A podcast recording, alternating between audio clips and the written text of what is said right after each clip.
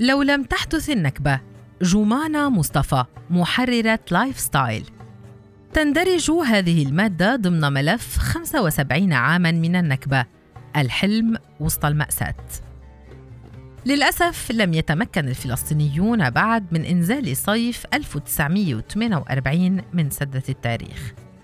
لا أريد أن أكتب عن النكبة أريد أن أكتب عن مشهد الزهور التي نثرتها صبايا فلسطين على موكب الجيوش العربية المنتصرة وهي تعبر المدن مرفوعة الرأس في العام 1948 عن الشهداء الذين أسمينا شوارعا بأسمائهم في عكا والقدس ونابلس عن امتداد عائلات الجنود العراقيين والمصريين والسوريين والأردنيين الذين تزوجوا في فلسطين واستقروا فيها.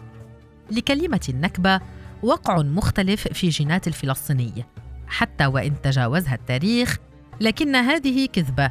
لا يوجد فلسطيني تجاوز التاريخ لأن التاريخ لا يتركنا وشأننا ويلاحقنا في مصائر أطفالنا وفي أوراقنا وجوازات سفرنا ويشدنا من قمصاننا في المطارات ليمنعنا من دخول البلاد وينادينا لنرتاح على الكرسي يلي على اليمين في المعابر الحدودية البرية.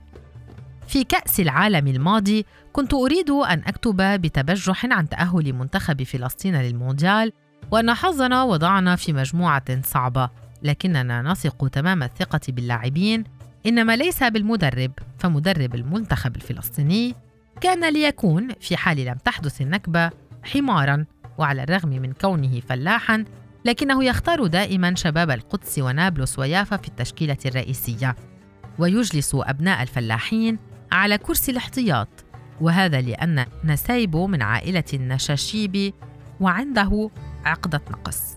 هذا ليس من وحي الخيال فكل الفلسطينيين يعرفون هذا الأمر عن المدرب المتخيل لمنتخبنا في نهائيات كأس العالم 2022 لم أكتب سابقا عن السقف الجميل الذي كان سيزين دار الأوبرا في غزة لو لم تحدث النكبة وكيف كان سيذهلني وجود كل هذا الجمال في مكان واحد.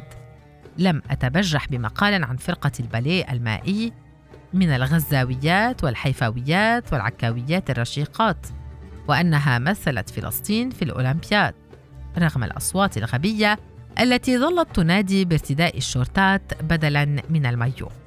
لو لم تحدث النكبة كنت لأكتب عن الشواطئ التي تنافس أجمل شواطئ العالم في استقطاب السياح. لأن طقسنا أجمل وبيرتنا أبرد وصيفنا أطول ونبيذنا مقدس ولأن المطاعم التي تقدم الفت الغزاوي إلى جانب البيرة تنافس أشهى المطاعم في نابولي على الجانب الآخر من المتوسط. ولو لم تحدث النكبة كنا لننشر صورنا على فيسبوك في مهرجانات الزيتون والنبيذ والمشمش. قد نشاهد بعض الكاريكاتيرات التي تسخر من أصحاب الفنادق في كرة القدس والذين يقومون بإخفاء النبيذ في موسم تقديس الحجة وإخراجه في موسم الحج المسيحي. وإذا استحضرت قليلا من النكد سأكتب عن تأخر دولة فلسطين في إنجاز مشروع الطاقة البديلة على امتداد الشاطئ وعن تلكك الحكومة في تنفيذ برنامجها الاقتصادي الذي انتخبناها على أساسه وعن عدم بيع شاليهات طبرية بأسعار تفضيلية للفلسطينيين.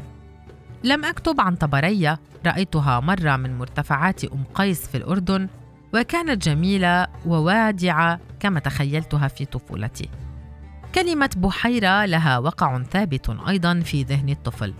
البحيرة التي دائما ما تؤدي إلى كوخ صغير محاط بالأزهار وطريق قصير فيه ذئب يمر عبر الغابة وطريق طويل يؤدي إلى بيت الجدة.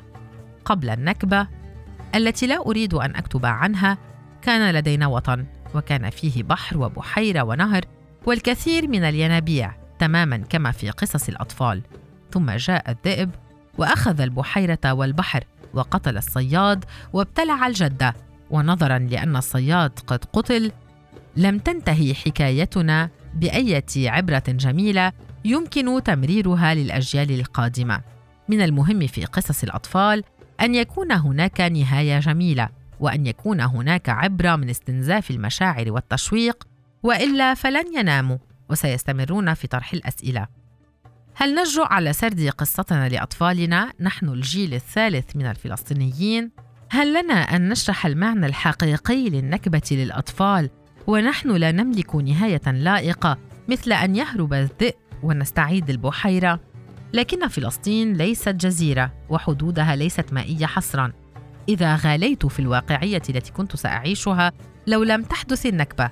كنت سأغضب لأن الجندي اللبناني طلب جواز سفري إلى جانب هويتي الشخصية قبل أن يسمح لي بالعبور. وأن هذا حدث بعد أن وقعت كل بلاد الشام والعراق ومصر اتفاقية تسهيل مرور من المعابر البرية. فلو لم تحدث النكبة لما كنا نكبنا كل من حولنا معنا. ولكانت علاقة الجوار لتكون عادية وتنافسية ضمن النسب المرضية المعقولة. صحيح أنني لا أريد أن أكتب عن النكبة ولا عن الهزيمة لكنني لا أريد أن أكتب عن النصر أيضا ولا عن البطولات لا الحقيقية ولا المتخيلة. أريد أن أكتب عن شعب عاش بكرامة عادية في بلده وعانى من المشاكل الاقتصادية والسياسية والاجتماعية العادية وليس من ضمنها أن يعجز شعب كامل عن إنزال ملابس الصيف عن السد. قليل من الاعتيادي فقط كان ليرضينا لو لم تحدث النكبة كأن نتذمر من الاحتفالات المبالغ بها نظرا للأزمة الاقتصادية التي تمر بها البلاد. هل هناك من داع لكل هذه الإضاءة في الشوارع؟ وكل هذه الحفلات والأغنيات والمصاريف الزايدة للاحتفال بالاستقلال؟ الاستقلال أمر بديهي ولا يستدعي كل هذه البهرجة. هذه أيضا كذبة. لو لم تحدث النكبة لم نكن لنتذمر من الموازنة الضخمة للاحتفال بالاستقلال. وكنا لنحتفل به كل يوم في العام وليس في الخامس عشر من أيار حصرا. لا أريد أن أكتب عن النكبة. أريد أن أكتب عن الناس الذين خرجوا من منازلهم وعادوا بعد أسبوعين ليمسحوا الغبار عن الأثاث. ليسقوا النباتات المنزلية العطشة ليتفقدوا طعام القطة. وأريد أن أكتب عن عجوز عاد بعد أسبوعين سعيدا. لأنه لح آخر موسم اللوز. لو لم تحدث النكبة أو لو حدثت وانتهت. كان أول ما سيفعله الناس هو رفع الملابس الشتوية التي نزحوا بها وإنزال الملابس الصيفية لتناسب شهر أيار. والرفع والتنزيل هو فعل فلسطيني يحدث مرتين في العام.